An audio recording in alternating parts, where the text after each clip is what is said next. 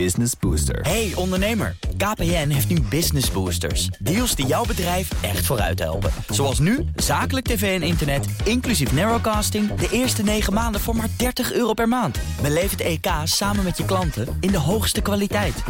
Kijk op kpn.com slash businessbooster. Business Booster. BNR Nieuwsradio. The Big Five. Art Rojakkers.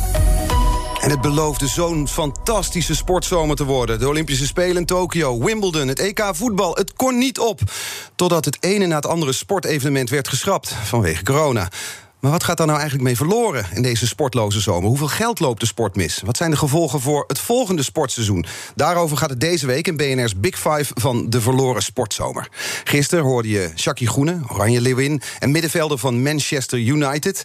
En vandaag is hier Barbara Barend, een van de eerste vrouwen in de voetbaljournalistiek. Eh, maar ook ondernemer, oprichter van Helden, Sportmagazine. Zo kennen de meeste mensen het. Maar het is ook een, een, een bureau waar jullie heel veel content maken, heel veel eh, filmpjes, eh, documentaires voor Videoland bijvoorbeeld. Dus als iemand nou weet hoe rampzalig zo'n sportloze zomer is, dan is. Ja, dan ben jij het eigenlijk wel, Barbara, zou je kunnen zeggen, toch? Ja, en, en dat klinkt misschien gek, maar misschien nog wel het ergst uh, als sportliefhebber. Ik, ik ben dit gaan doen.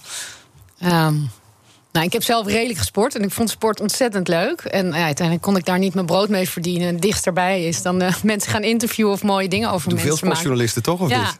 ja, en ik heb bewaar echt mijn, mijn zoetste herinneringen aan um, bezoek aan de Olympische Spelen. De eerste al toen ik tien jaar oud was. Meegenomen door je vader? Ja, ja. meegenomen naar L.A. En dat was nog de tijd dat je gewoon naar het stadion kon gaan en een kaartje kon kopen. En dat deden wij. En ik heb daar uh, nou ja, atletiek. Uh, ik, ik liep op hoogte van de nagels van de Florence Griffith Joyner. Ja, de sprinter. En die, ja, en die liep gewoon buiten het stadion. Dat waren nog niet haar Olympische Spelen.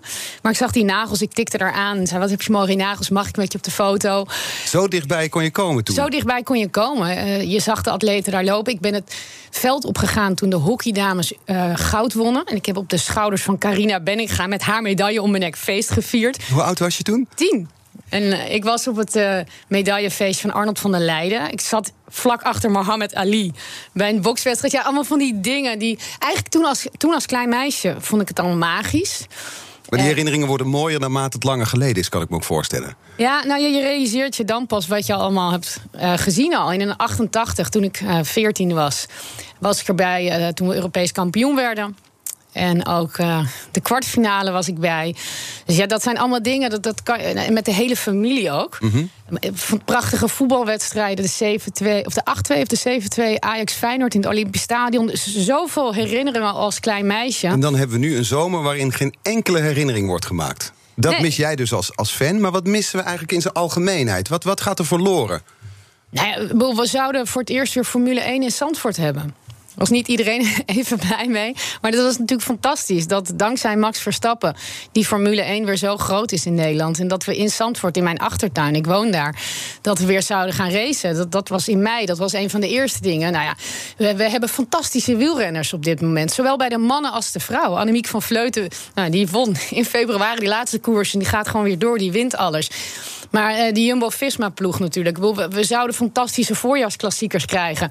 We zouden een EK gaan voetballen. En ook nog in eigen land. Ja, maar daar zou je nou van kunnen zeggen... zo goed deed Oranje het niet de laatste jaren. Dus misschien zijn we daar wel een beetje... is, dit safe by the bell? Nou, nee. We zijn waren... we behoed voor weer een teleurstelling? Nee, we waren eindelijk weer gekwalificeerd. En we hebben eindelijk een team net met, eh, met, met de jongens weer die bij de grote clubs spelen. Bij Barcelona, bij Juventus, uh, bij Liverpool, bij de grootste clubs. En dat, dat heeft met een tijd niet gehad. We zijn in zoverre... Is het een voordeel daarom bij het EK misschien dat het een jaar wordt uitgesteld? We moeten nu volgend jaar gaan gebeuren. Al die jongens die bij die grote clubs Ja. zitten, Frenkie de Jong, Ja. ehm, nou ja, noem maar op, eh, Matthijs van- de Ligt, Virgil van Dijk, Nou ja, maar ook Depay. Memphis Depay die nee, nu dat precies. Dat, dat, is misschien wel. Ze zijn volgend jaar ouder, sterker. Ja, en, en Depay en Donjel Malen waren natuurlijk zwaar geblesseerd. Er was steeds een race tegen de klok. Het was nog heel spannend geweest. Wat had Ronald Koeman moeten doen? Hè? Want hij is fit. Eh, hij, hij was waarschijnlijk net op tijd fit. Nou, hij heeft die keuze niet hoeven maken, de bondscoach. Moet ik hem wel of niet meenemen of wel of niet laten spelen? Dus nee, in dat opzicht is dat een...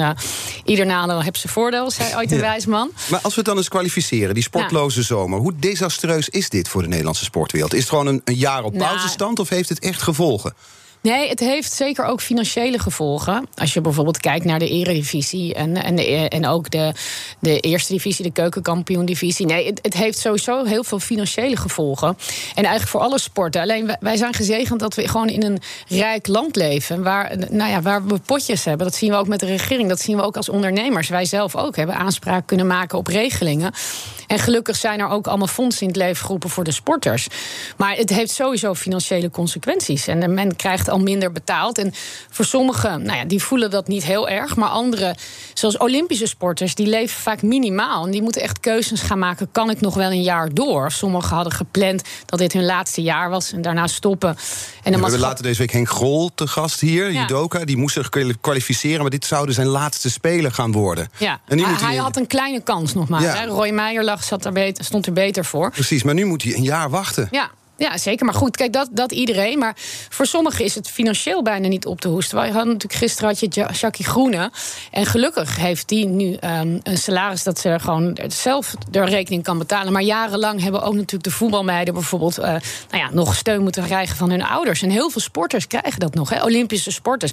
Wij bijvoorbeeld de roeiploeg met Helder. Voor een van onze zakelijke dingen die je vertelde, werken bijvoorbeeld ook voor Egon. Nou, die sponsoren roeiers. En eigenlijk de hele campagne voor de vorige Olympische Spelen en ook deze ja, Olympische Spelen volgen wij. Dan volgen wij twee roeiers, Tone en Marieke.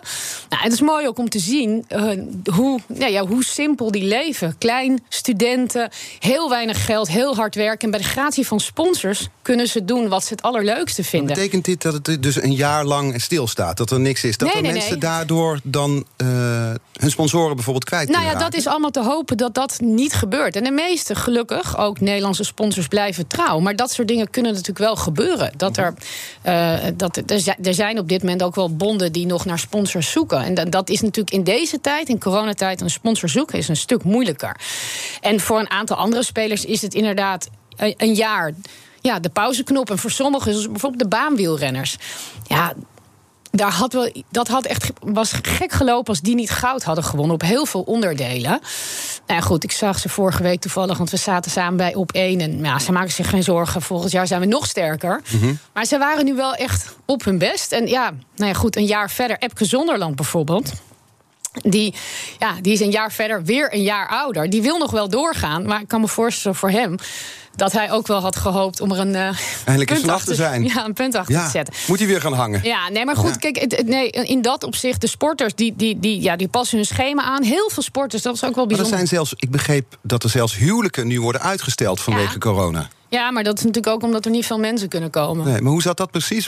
Bij, bij zwemmers was dat volgens Ja, mij. ja, Komen we met Jojo? Ja, we hebben drie zwemsters die allemaal ten huwelijk zijn gevraagd eh, in hetzelfde jaar. Femke Heemskerk, Kira Toussaint en Ranomi Kromowidjojo hebben we in de Nieuwe Helden staan. Nu hadden we nog voor corona, in februari, hadden we een hele mooie shoot met de meiden hierover. En ja, die hebben allemaal nu wel de huwelijksdatum. Ja, die zouden na de Olympische Spelen allemaal gaan trouwen. Dus dat was dan hun jaar. Olympische Spelen, even medaille pakken en dan, Ja. en dan ook nog trouwen. En nu en dan die ring helemaal niks. vinger. En is Nee. dat mentaal dan gezien een, een klap voor een sporter? Ja, er zijn sommige sporters die daar, eh, die daar zeker heel veel last van hebben. En die, wat ze vooral missen is, eh, sporters hebben heel erg de, baat bij de structuur. En ehm, nou, ik bijvoorbeeld, ik sprak op een gegeven moment Robin Hazen, de tennisser. Ik zei, wat ben je aan het doen? Ja, niet zo heel veel.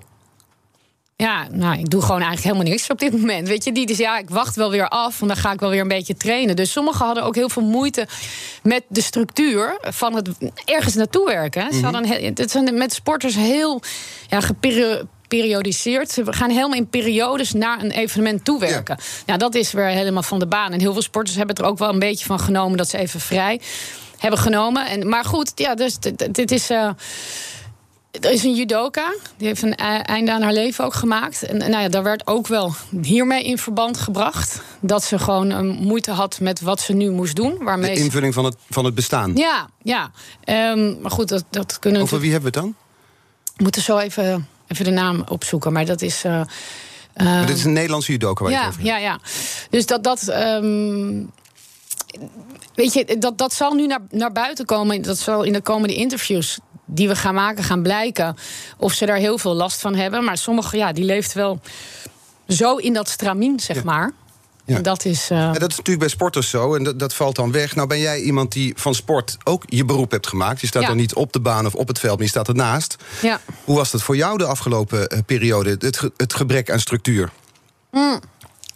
Ja, nou, we, we hadden natuurlijk allemaal als ouders ineens een hele andere structuur. Want we moesten natuurlijk homeschoolen. Ja, vertel mij wat. Nou ja, dat hoef ik nog niet met die tweeling, maar Ja, nou, wij wel. dat is wel topsport. Dus dat bracht wel structuur. Dat we allemaal wel gewoon dezelfde tijd opstonden. En op dezelfde tijd eh, eh, ja, begonnen met, met, met huiswerk en het homeschoolen. Ja, nee, dat was heel anders. Dat, dat was eigenlijk ehm, een week voor de persconferentie van Rutte.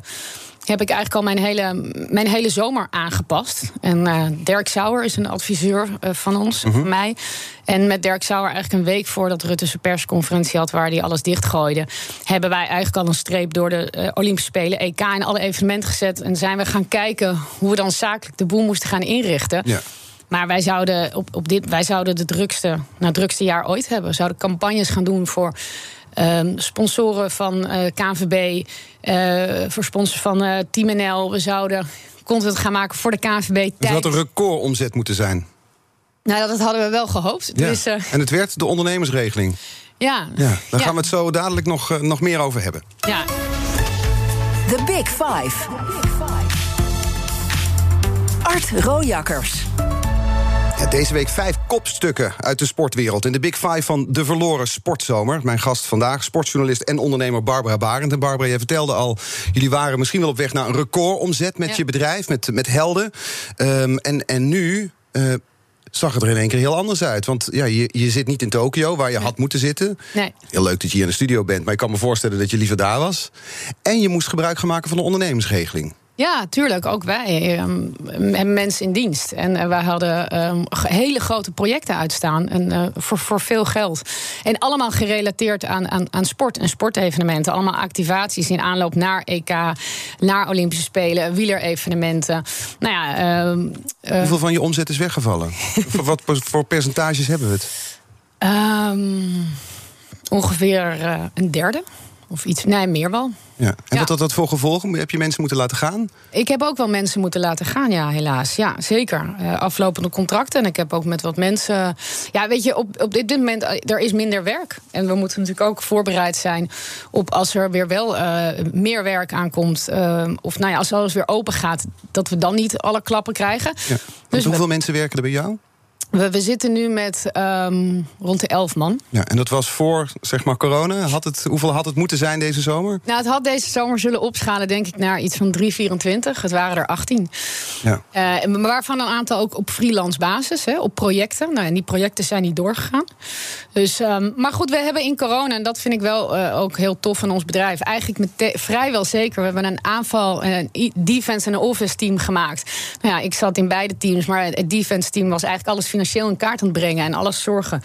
Dat we wisten wat we moeten doen. Het offense team is als een gek gaan nadenken. En we hadden eigenlijk binnen een week nieuwe concepten bedacht en verkocht aan grote partijen. Had je de ondernemersregeling ook niet nodig. Hoeveel heb je gekregen? Nee, maar kijk, waar we voorheen over bedragen eh, spraken, Art, dat we tussen de 1 en, en, en, en 3 ton van een opdrachtgever krijgen, zijn het nu krijgen, gaan, het, gaan het over hele andere bedragen. Ja, is dat gaat, de, de, de gaat helft? het over eh, minder dan de helft. Dus weet je, dus je, je moet, moet veel meer doen. Nee, kijk, die Je moet ondernemers. meer doen voor minder geld. Ja, nou, zo is het op dit moment. En er komen nu ook gelukkig wel weer dingen terug. En we hebben. En hoe ga jij er als, mee om als, als ondernemer? Want dit, dit, zijn, dit zijn tijden waarin je dus Ja. het verschil kan maken. Jij staat daar voor je mensen en jij kijk- moet dan een verhaal voor ze hebben. Ja, Ehm, ja kijk, ik heb geen invloed op, op de economie op dit moment, op, op corona en op hoe Onderschat bedrijven. je jezelf nu niet? nee, was maar waar.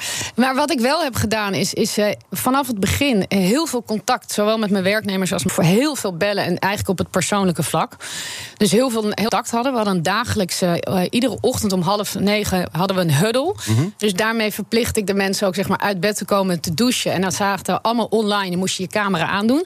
En dan gingen we eigenlijk de dag bespreken. Maar dat hebben we al die tijd volgehouden. En ik merkte dat het heel fijn was. We hadden, ja, en, en hoe we dat deden is. Ehm, de zakelijke, minder leuke eh, mededelingen, die deed ik uiteraard ook. En die scheide ik van de optimistische mededelingen waar we voor gingen. We hebben vrij snel met het offense team een aantal doelen geformeerd. En daar zijn we knijterhard aan gaan werken. En zo hebben we uiteindelijk toch nog dingen voor onze klanten kunnen doen. Heb je een moment angst gehad dat het bedrijf zou omvallen? Nou, dat niet zozeer, maar wel. eh, we werken al jarenlang met heel veel plezier en doen heel veel mooie dingen. En eh, hebben ook nou ja, heel veel mooie partners waarmee we werken. En ik, ik, waar je wel, je bent jarenlang aan het werk. Mijn vrouw is ook ondernemer, zijn allebei ondernemer. Wij zagen allebei de afgelopen jaren van bloed, zweet, wij zeggen bij helden trainen, dat die ineens zo verdampte. En dan denk je, nou, ik ga niet schelden, maar oké, dan kunnen we zo direct bijna weer opnieuw beginnen. Dat is natuurlijk niet, want er staat een. Je wordt gewoon teruggeworpen. Ja, je wordt teruggeworpen. En, en, en, en je moet met hele andere dingen bezig zijn. En dat gaat up en down. Bij mijzelf ook. Er waren momenten dat ik heel verdrietig was. Er waren momenten dat ik boos was. Maar er waren ook momenten. Was boos? Hm? Op wie was je boos? Gewoon boos op de wereld. Ja, boos dat dit gebeurde.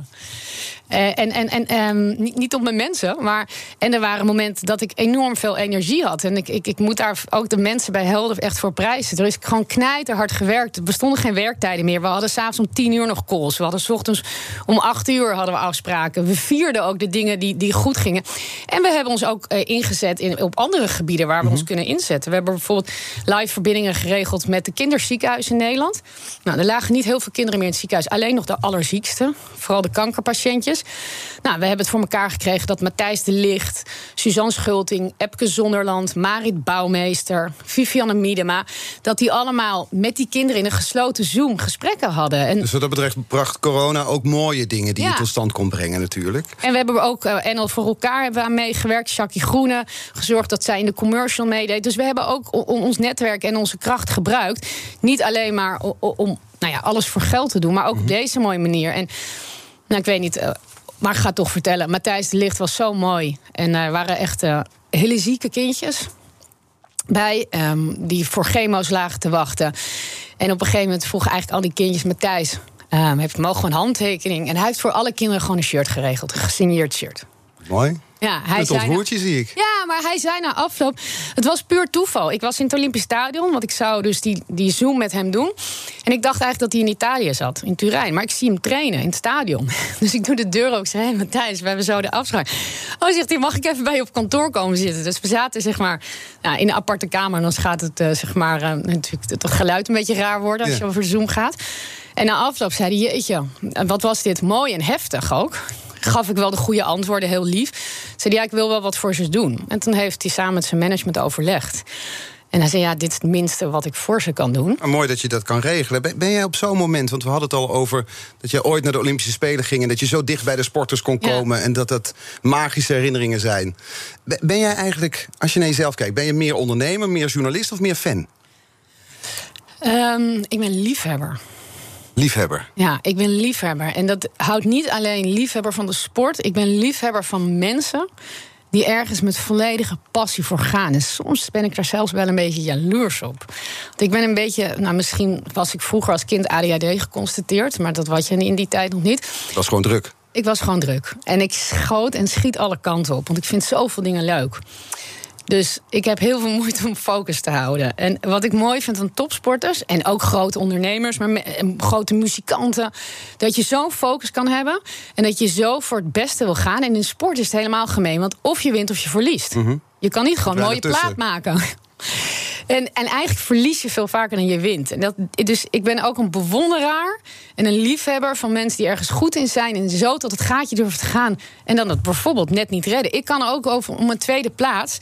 Ja, kan ik net zo mooi soms vinden, hoe erg dat ook is, als een eerste plaats. De emotie van sport.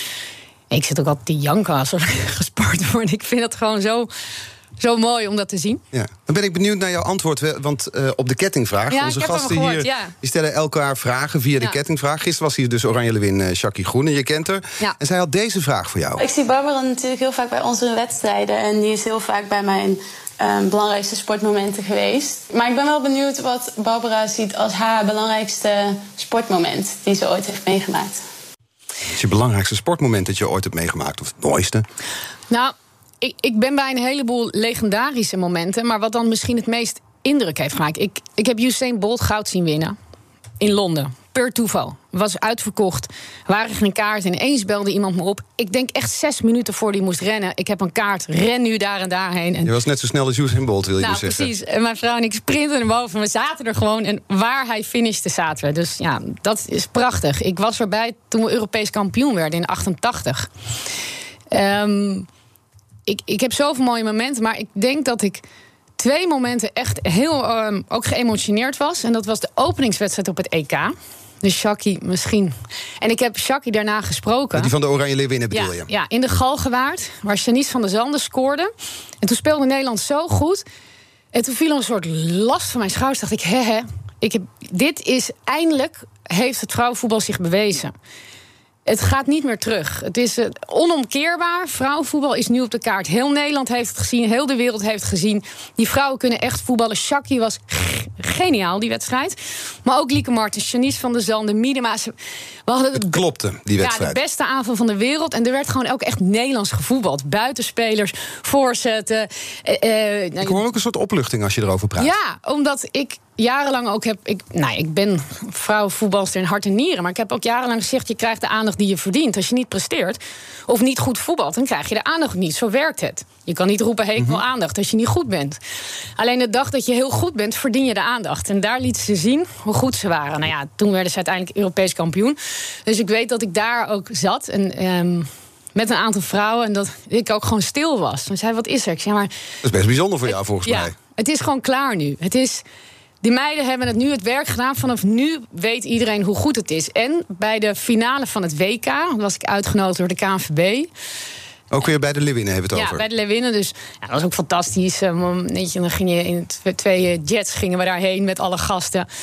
En, en ik weet dat toen het volkslied speelde... en dat ik toen aan me staat... ik zat naast Irene Wust, Letitia de Jong... En mijn vrouw met z'n vieren. En ook toen werd ik stil. En toen merkte ik dat ik gewoon tranen over mijn wangen had. dacht ik, als klein meisje wilde ik één ding. Ik wilde bij Ajax voetbal. Ik wilde het Nederlands zelf. Ik wilde EK's, WK's. Maar ik wist al in mijn tiende dat het nooit ging gebeuren. En ik heb nooit gedacht dat ik het nog ging meemaken. En daar staan we. Uitverkocht stadion. Heel de wereld we. kijkt. Nee, daar staan zij. Ja, maar het voelt bijna alsof jij er staat dus. Ja, maar ik bedoel, ja.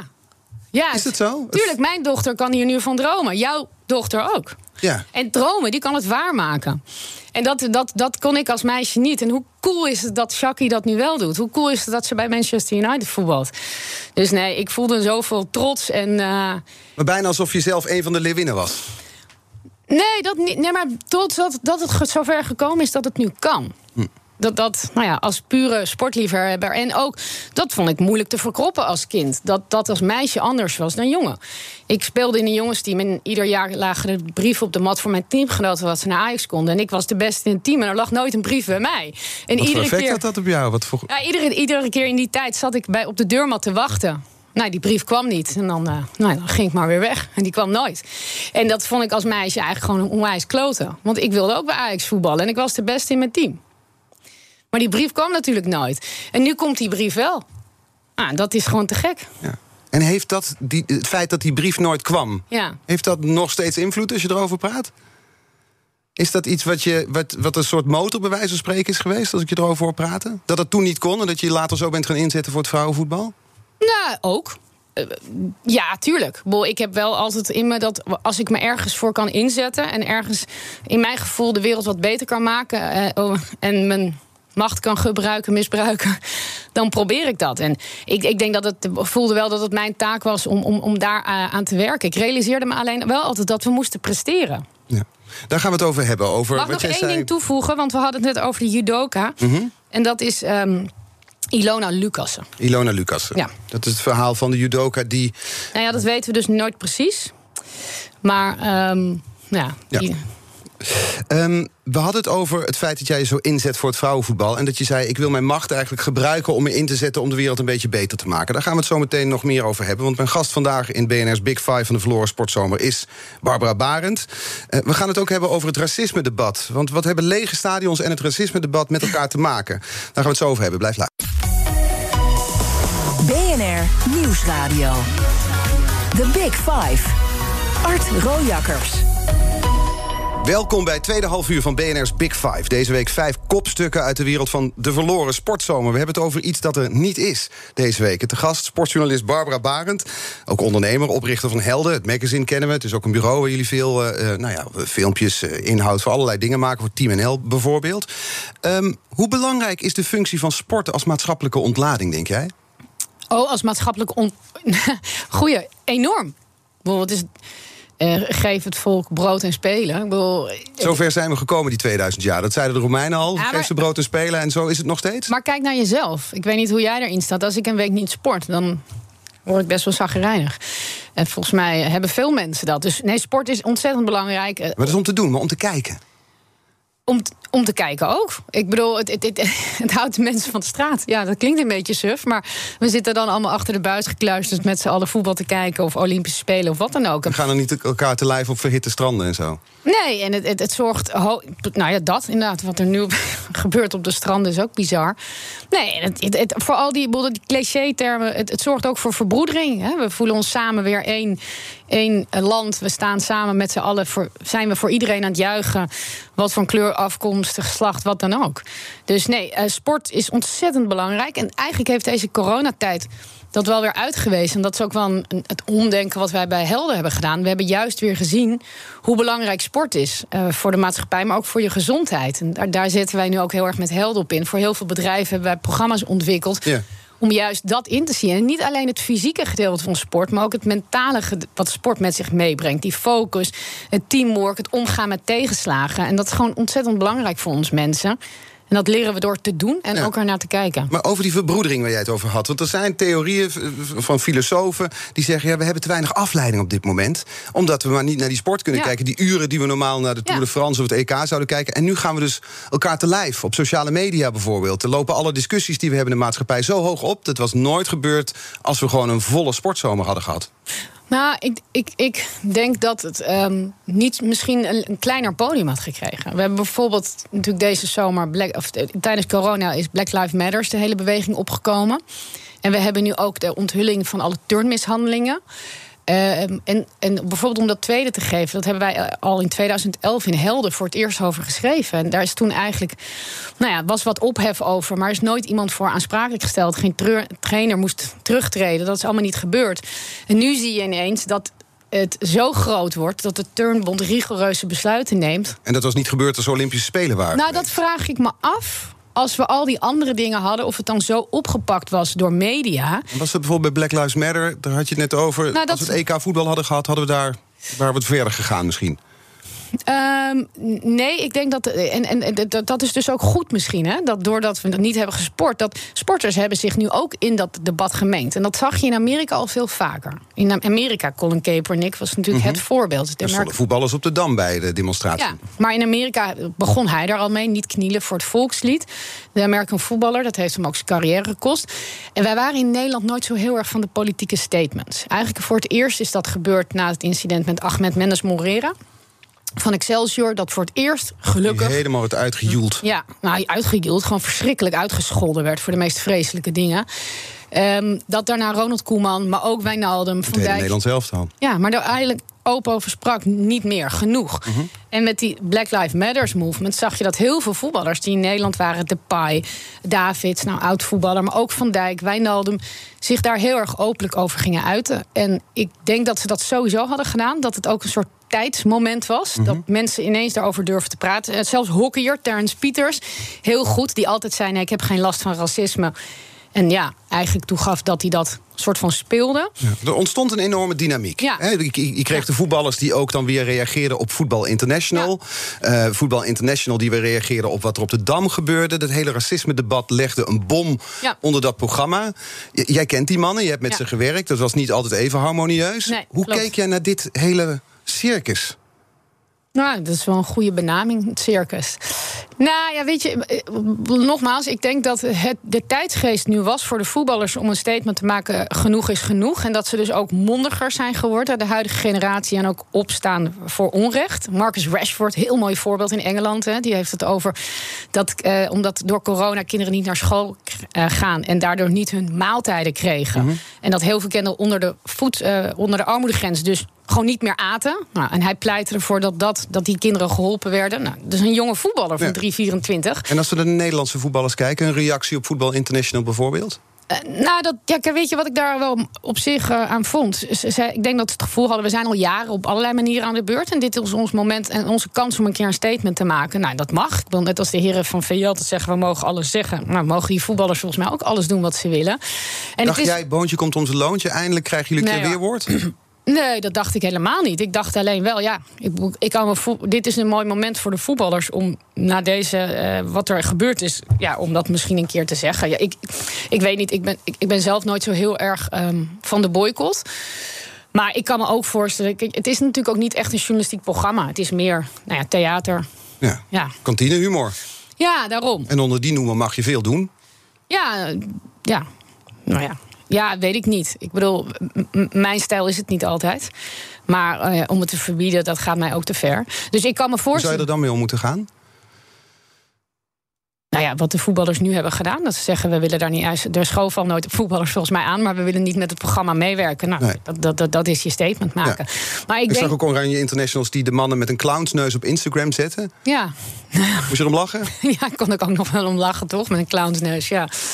Ja, weet je, ik, ik vind dat het eh, in, het in het debat... wat heel goed is dat het gevoerd wordt... want er zijn nog eh, dingen die gebeuren... gelukkig nog, of eh, helaas nog veel te veel dingen die niet kunnen... in de sport die juist zo mooi is en verbroederd... die voor mijzelf alleen maar herinnering heeft van alles met elkaar. Dus het is heel goed dat dat aan het licht komt. En ik vind dat iets te veel de focus op dat programma is gelegd. Ik vind dat het debat is veel breder. Ik denk alleen wel, doordat we niet uh, gesport hebben, dat het inderdaad meer tot uiting is gekomen. Voetballers ook meer tijd voor hadden om zich ermee bezig te houden.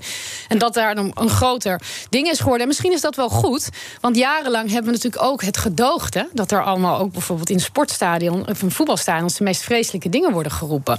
En ik hoop dat dat nu wel eindelijk de tijd is dat we daar toch wel met z'n allen van vinden dat dat niet meer kan. Ja, want jij gaat met helden de komende drie jaar volgens mij voor de KNVB campagnes ontwikkelen, ook om racisme tegen te gaan. Ja, na aanleiding van de, die, weer die scheldpartij tegen Ahmed Mendes Morera... is uh, de overheid met de KNVB een actieplan gekomen. Ons voetbal is van iedereen, met een heleboel dingen. Dus een heleboel op het gebied van nou ja, beter monitoren, beter straffen... Um, beter mensen opleiden. Wanneer moet je nou ingrijpen? En een van de dingen is een antiracisme-campagne. Die had al van start moeten gaan rondom wedstrijden van het Nederlands elftal. Maar ja, goed, er is niet gevoetbald, dus dat is niet gebeurd. Dus dat wordt nu uitgesteld. Uh, we hopen... Dus nou, je wat ik me altijd afvraag bij zo'n campagne? Want dan denk ik, nou, dan gaan jullie daar wel iets moois van maken. De KNVB gaat het inzetten. Maar uiteindelijk zit er ergens een schreeuwlelijk op de tribune. En dat trekt het dan toch aan voorbij. Wat voor, ja, wie bereik je er nou mee? Nou, oké, onze campagne is er wel juist op geënt om, om, om die mensen juist te bereiken. Denk je dan dat die door een campagne nou, denken: oh, wacht eens even. nu nou, ga ik stoppen met racistische denkbeelden? Nee, ik, ik, ik, wat ik hoop te bereiken is degene die daarnaast zit. Die het niet roept, maar die hopen wij te bereiken. Er zijn natuurlijk heel veel mensen die het ook niet roepen. En het zijn een paar. die, die niks zeggen, bedoel je? Ja, en dat die op een gegeven moment is hun buurman of buurvrouw gaan aanstoten van nou, misschien moet je dat niet meer doen. Dus we gaan ons. Het moet zich eigenlijk als een olievlek min of meer Ja, we willen ons vooral richten op, je, zoals je dat noemt, de stille meerderheid. Kijk, we kunnen ons op de slachtoffers of de daders gaan richten. Maar ja, dan, dan krijg je volgens mij heel, heel fel debat. Dus dat, we gaan het juist op die stille meerderheid proberen te richten. En dat is een van de mooie campagnes die wij uh, de aankomende drie jaar inderdaad mogen doen. En waar komt die betrokkenheid van jou, van jou persoonlijk eigenlijk vandaan? Waarom voel je je zo betrokken bij deze discussie over racisme, over discriminatie in de sport? Ja, weet ik, dat komt denk ik ook. Dat zijn ook genen. Ik denk dat ik als, als meisje heb meegekregen om altijd op te komen voor onrecht. Ik zie Jurgen Rijman uh, voorbij lopen. Met Jurgen heb ik bijvoorbeeld. Waar, Jurgen heeft mij ooit gebeld toen ik in de auto zat met mijn ouders. Willen jullie aansluiten bij een eh, beweging dat we gaan proberen om de kleur van Piet te veranderen? En Jurgen belde niet voor niets mij op. Ik geloof dat mijn moeder het felste was. Die pakte de telefoon, die gilde. Die begon Jurgen de les te lezen. Begon Jurgen uit te schelden? Nee, die begon Jurgen de les te lezen over wat ze wel niet had meegemaakt allemaal en hoe belangrijk dit was. Dus ja, weet je, mijn moeder die was daar zo voorstander van. Die is bij mij zo met de paplepel ingegoten. En ik denk dat dat mede ook komt door de Joodse roots. Als je het allemaal helemaal gaat onderzoeken en als je er psychiaters op loslaat, zal het ongetwijfeld zo zijn. Ben je er ooit geweest met psychiaters? Heb je het erover gehad? Nee, maar ik geloof wel dat um, een extra antenne bij de baren zit om op te komen voor onrecht. En dat is niet alleen antisemitisme, dat is op meerdere gebieden. En, en aan de andere kant ook juist om, om niet alleen maar dat te benadrukken, maar ook de mooie dingen ervan te zien. En dat heb ik als kind. Zei mijn moeder al: je bent zwerfkattenverzamelaar. Je bent voor kinderen die gevlucht waren, was ik kleren aan het inzamelen. En als kinderen gepest werden omdat ze nou ja, een hoofddoek op hadden, dan ging ik vechten. Weet je. Ja, het zat er al vroeg in, bedoel je? Het zat er vroeg in, ja. ja, je noemde hem al, Jurgen. BNR Nieuwsradio. The Big Five. Art Rojakkers. Je luistert naar BNR's Big Five van De Verloren Sportzomer. Mijn gast vandaag, Barbara Barend van Helden Media. Ja, Barbara, we hadden het net, toen Jurgen binnenkwam... zei je wat dingen over je jeugd? Dat je toen al ongeveer zwerfkatten verzamelde. dat, je, dat je kinderen wilde helpen. Dat, je, je- dat daar je betrokkenheid vandaan kwam. Misschien van de, de Joodse diaspora, zoals je het noemde. Ja. Ehm, jij eigenlijk bij bijna elk maatschappelijk debat. of bij elke misstand. laat jij je stem horen op sociale media. Eh, niet alle. Maar wel vrij veel. Ik Nee. hoor je vaak en veel over veel onderwerpen. Ja, maar ik probeer wel degene eh, waar ik eh, ook wat over te vertellen heb. Dus ik bedoel, ik kan toevoegen dat ik in Wit-Rusland ben geweest... en dat dat voelt als een dictatuur, maar meer kan ik er ook niet. Nee. eh, Nee. maar of we het nou over racisme hebben, homo-emancipatie, wat voor onderwerpen dan ook. Nou, die onderwerpen vooral, ja. Racisme, discriminatie en, eh, en, en, en homofobie. Ja. Ja. Kan je je voorstellen dat het ook iets prekerigs heeft? Dat je daardoor Ja. bij mensen ook weerstand oproept? Ja, zeker. Dat, dat roep ik ook. Dat weet ik. Dat weet je. Ja. Ja, hoe merk je dat? Ehm, dat merk je ook aan, aan, aan, aan reacties. Bijvoorbeeld mensen zijn het of met je eens of niet. Het is, het is zwart of wit, het is niet heel veel grijs. Zijn, nee, de meeste men- mensen vinden mij of leuk of stom. En ja, dat is dan zo. Je haalt er je schouders bij op. Ja, maar ja, wat moet ik ervan vinden, Art? Ik, soms denk ik wel eens, oh god, had ik niet moeten doen. Maar ja, dan doe ik het Hou toch. je bek barend, denk je dan bij jezelf misschien wel. Ja, maar ik hou soms, ik hou- probeer wel iets vaker mijn mond de laatste tijd te houden. Ja? Wel, wel- wat brandde er eigenlijk op je lippen waarvan je dacht... nee, hier ga ik me nu eens even niet over uitspreken? Nou, ik heb in, in, in de hele Black Lives Matters discussie. Kijk, wij besteden daar altijd aandacht aan. En we hadden toevallig, of niet toevallig, we hadden het, het, nummer daarvoor, de helden die, daar, die al in de winkel lag, dus. Daarvoor een heel groot artikel over racisme. Met Ahmed Mendes Morera, met Boularoes, met Edgar Davids, met Daphne Koster. Dus wij besteden er continu aandacht aan. Dus ik had tijdens die, eh, nou ja, toen dat allemaal op gang kwam, dacht ik, ik ga nu niet heel erg vooraan lopen. Ik ga kijken wat ik zelf, wat ik wel of niet prettig vind om mee aan te doen in dit debat. Eh, en ik, ik, op het moment dat er misstanden zijn in het voetbal, ik kom veel in de voetbalstadions, dan spreek ik me daarover uit. Ook antisemitische spreekkoren. En dan hoor je mij. Ik heb me nu in deze wel een beetje, ik heb aan één actie meegedaan, Share the Mic.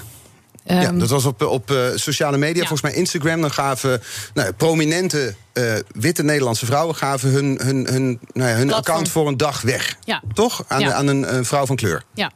Ja, en dat vond ik een leuk initiatief. En dat heb ik gewoon gedaan ook met een vriendin van mij... die, die, die vindt dat haar stem vaker gehoord mag worden. En Wie was dat? Ivolene de Nobrega. En eh, eh, waar ik ook over dit onderwerp veel mee spar, over racisme. En ehm, nou, met haar en Edgar Davids. Dus maar als je dus je uitspreekt over die onderwerpen... Ja. de mensen die jou volgen zijn de mensen die het waarschijnlijk met je eens zijn. Ja, dat- ja, maar niet altijd. Ik krijg ook wel soms nare berichten. En, en nou ja, goed, dat, dat is niet leuk. Dat is nooit leuk. Ik bedoel, als het bij berichten blijft, dan eh, nou, is het trouwens ook niet oké. Ik vind niet dat je iemand voor kankerjood of wat dan ook mag uitschelden. Maar dat mag. Dat gebeurt. Dat mag. En ik heb aangifte ooit gedaan. En Twitter weigert berichten, eh, gegevens vrij te geven in dit land. En ook eh, Twitter wereldwijd. Omdat er niet gezegd is dat ze mij kwamen doden. Dus als er een doodsbedreiging was geweest, dan had Twitter gegevens vrijgegeven. Maar omdat het alleen maar bij kankerjood bleef, niet. Dus dat is op zich ook een hele Wonderlijk, hè? Ja, dat is heel wonderlijk. Ja. Dus dat kan via sociale media.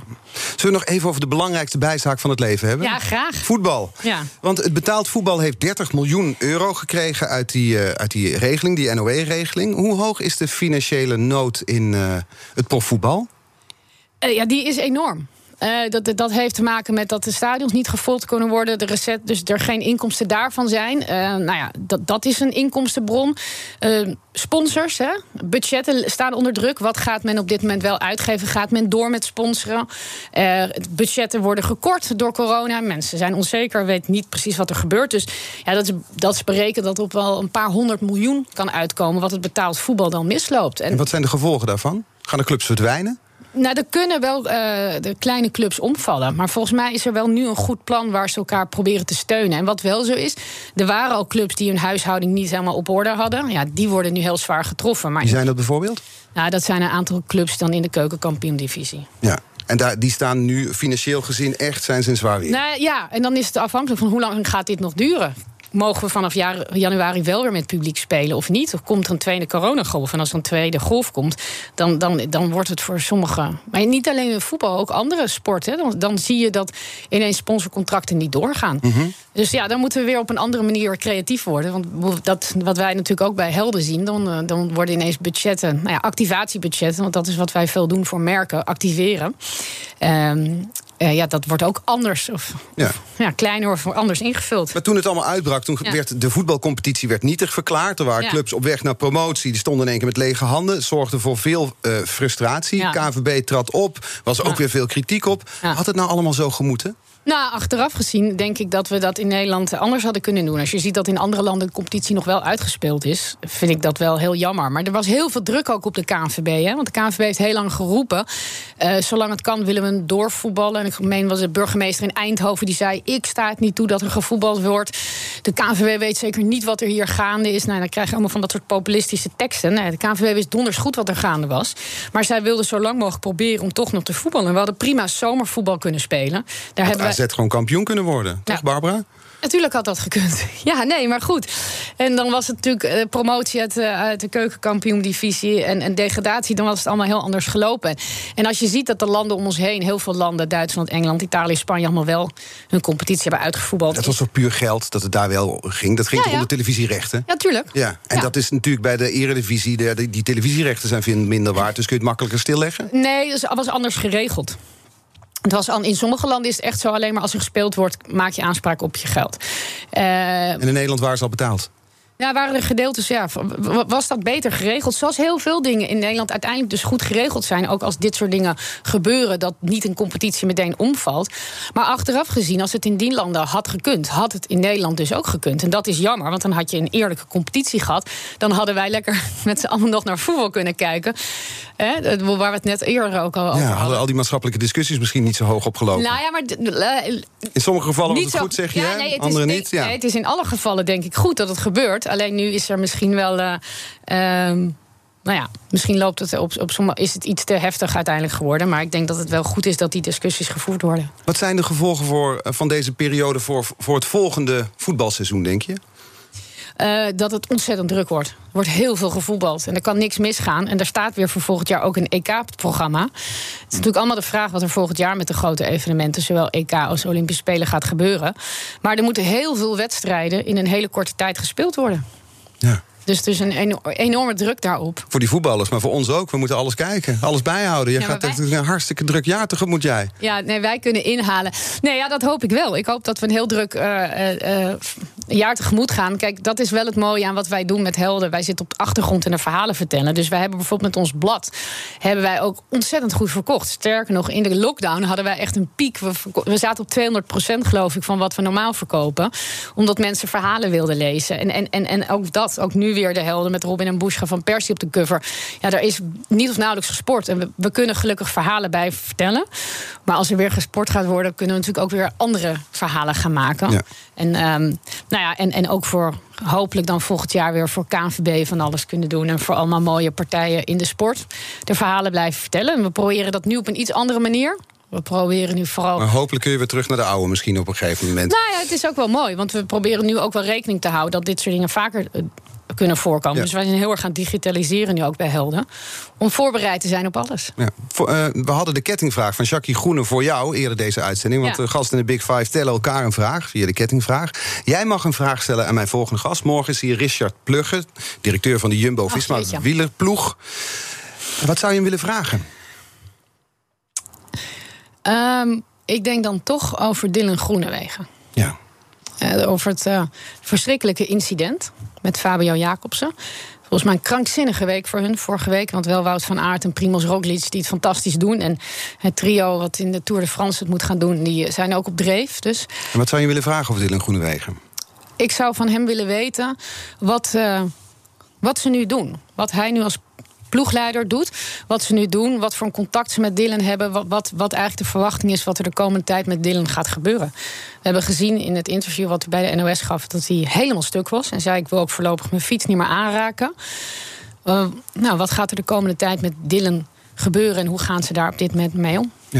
Want De, de Tour de France staat voorlopig gepland voor Ja. eind augustus. Ja. Eh, nou, daar, daar gaat die ploeg natuurlijk ook uitkomen. Ja, ja maar daar gaat het Ik echt... was daar wel verbaasd over. Dat, het gewoon, dat zo'n enorm evenement dan wel gewoon Ja. van start kan gaan. Ja, heel. Ben ik ook nog steeds verbaasd over.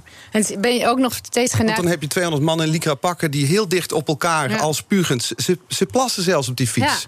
Ja. ik moet op anderhalve meter afstand van mijn eigen ouders blijven. Hoe kan dat nou? Ja, ze gaan allemaal in, in quarantaine. Net als de Champions League Circus allemaal naar Portugal gaat. En dan zitten we allemaal gezamenlijk in quarantaine. Eh, net als ze in Amerika de, de MLS nog eh, het voetballen ook hebben afgemaakt. Met z'n allen op één plek. Ja, dat, dat wordt een hele karavaan. Er mogen een aantal mensen mogen er maar bij. Dus het wordt heel anders geregeld. En met het publiek, ja, Ja, ik ben heel benieuwd. Daar gaan we het dus morgen ook over hebben met Richard Plugge. En we gaan zijn vraag eh, over Dylan, of jouw vraag over Dylan Groenewegen natuurlijk ook aan hem, eh, aan hem voorleggen. Ik wil je danken voor je komst vandaag, eh, Barbara. dankjewel. Voor je inzicht dat je gaf in deze sportloze zomer en de gevolgen daarvan. Alle afleveringen van BNR's Big Five zijn natuurlijk terug te luisteren. Je vindt de podcast in de BNR-app en op bnr.nl, daar vind je het ook. Eh, die podcast staat er heel snel op, vanmiddag al zo'n beetje. eh, of zo dadelijk. Je kan gewoon meteen al terugluisteren als je niet genoeg krijgt van Barbara Barend. Morgen hier dus Richard Plugge en de Big Five van de verloren sportzomer.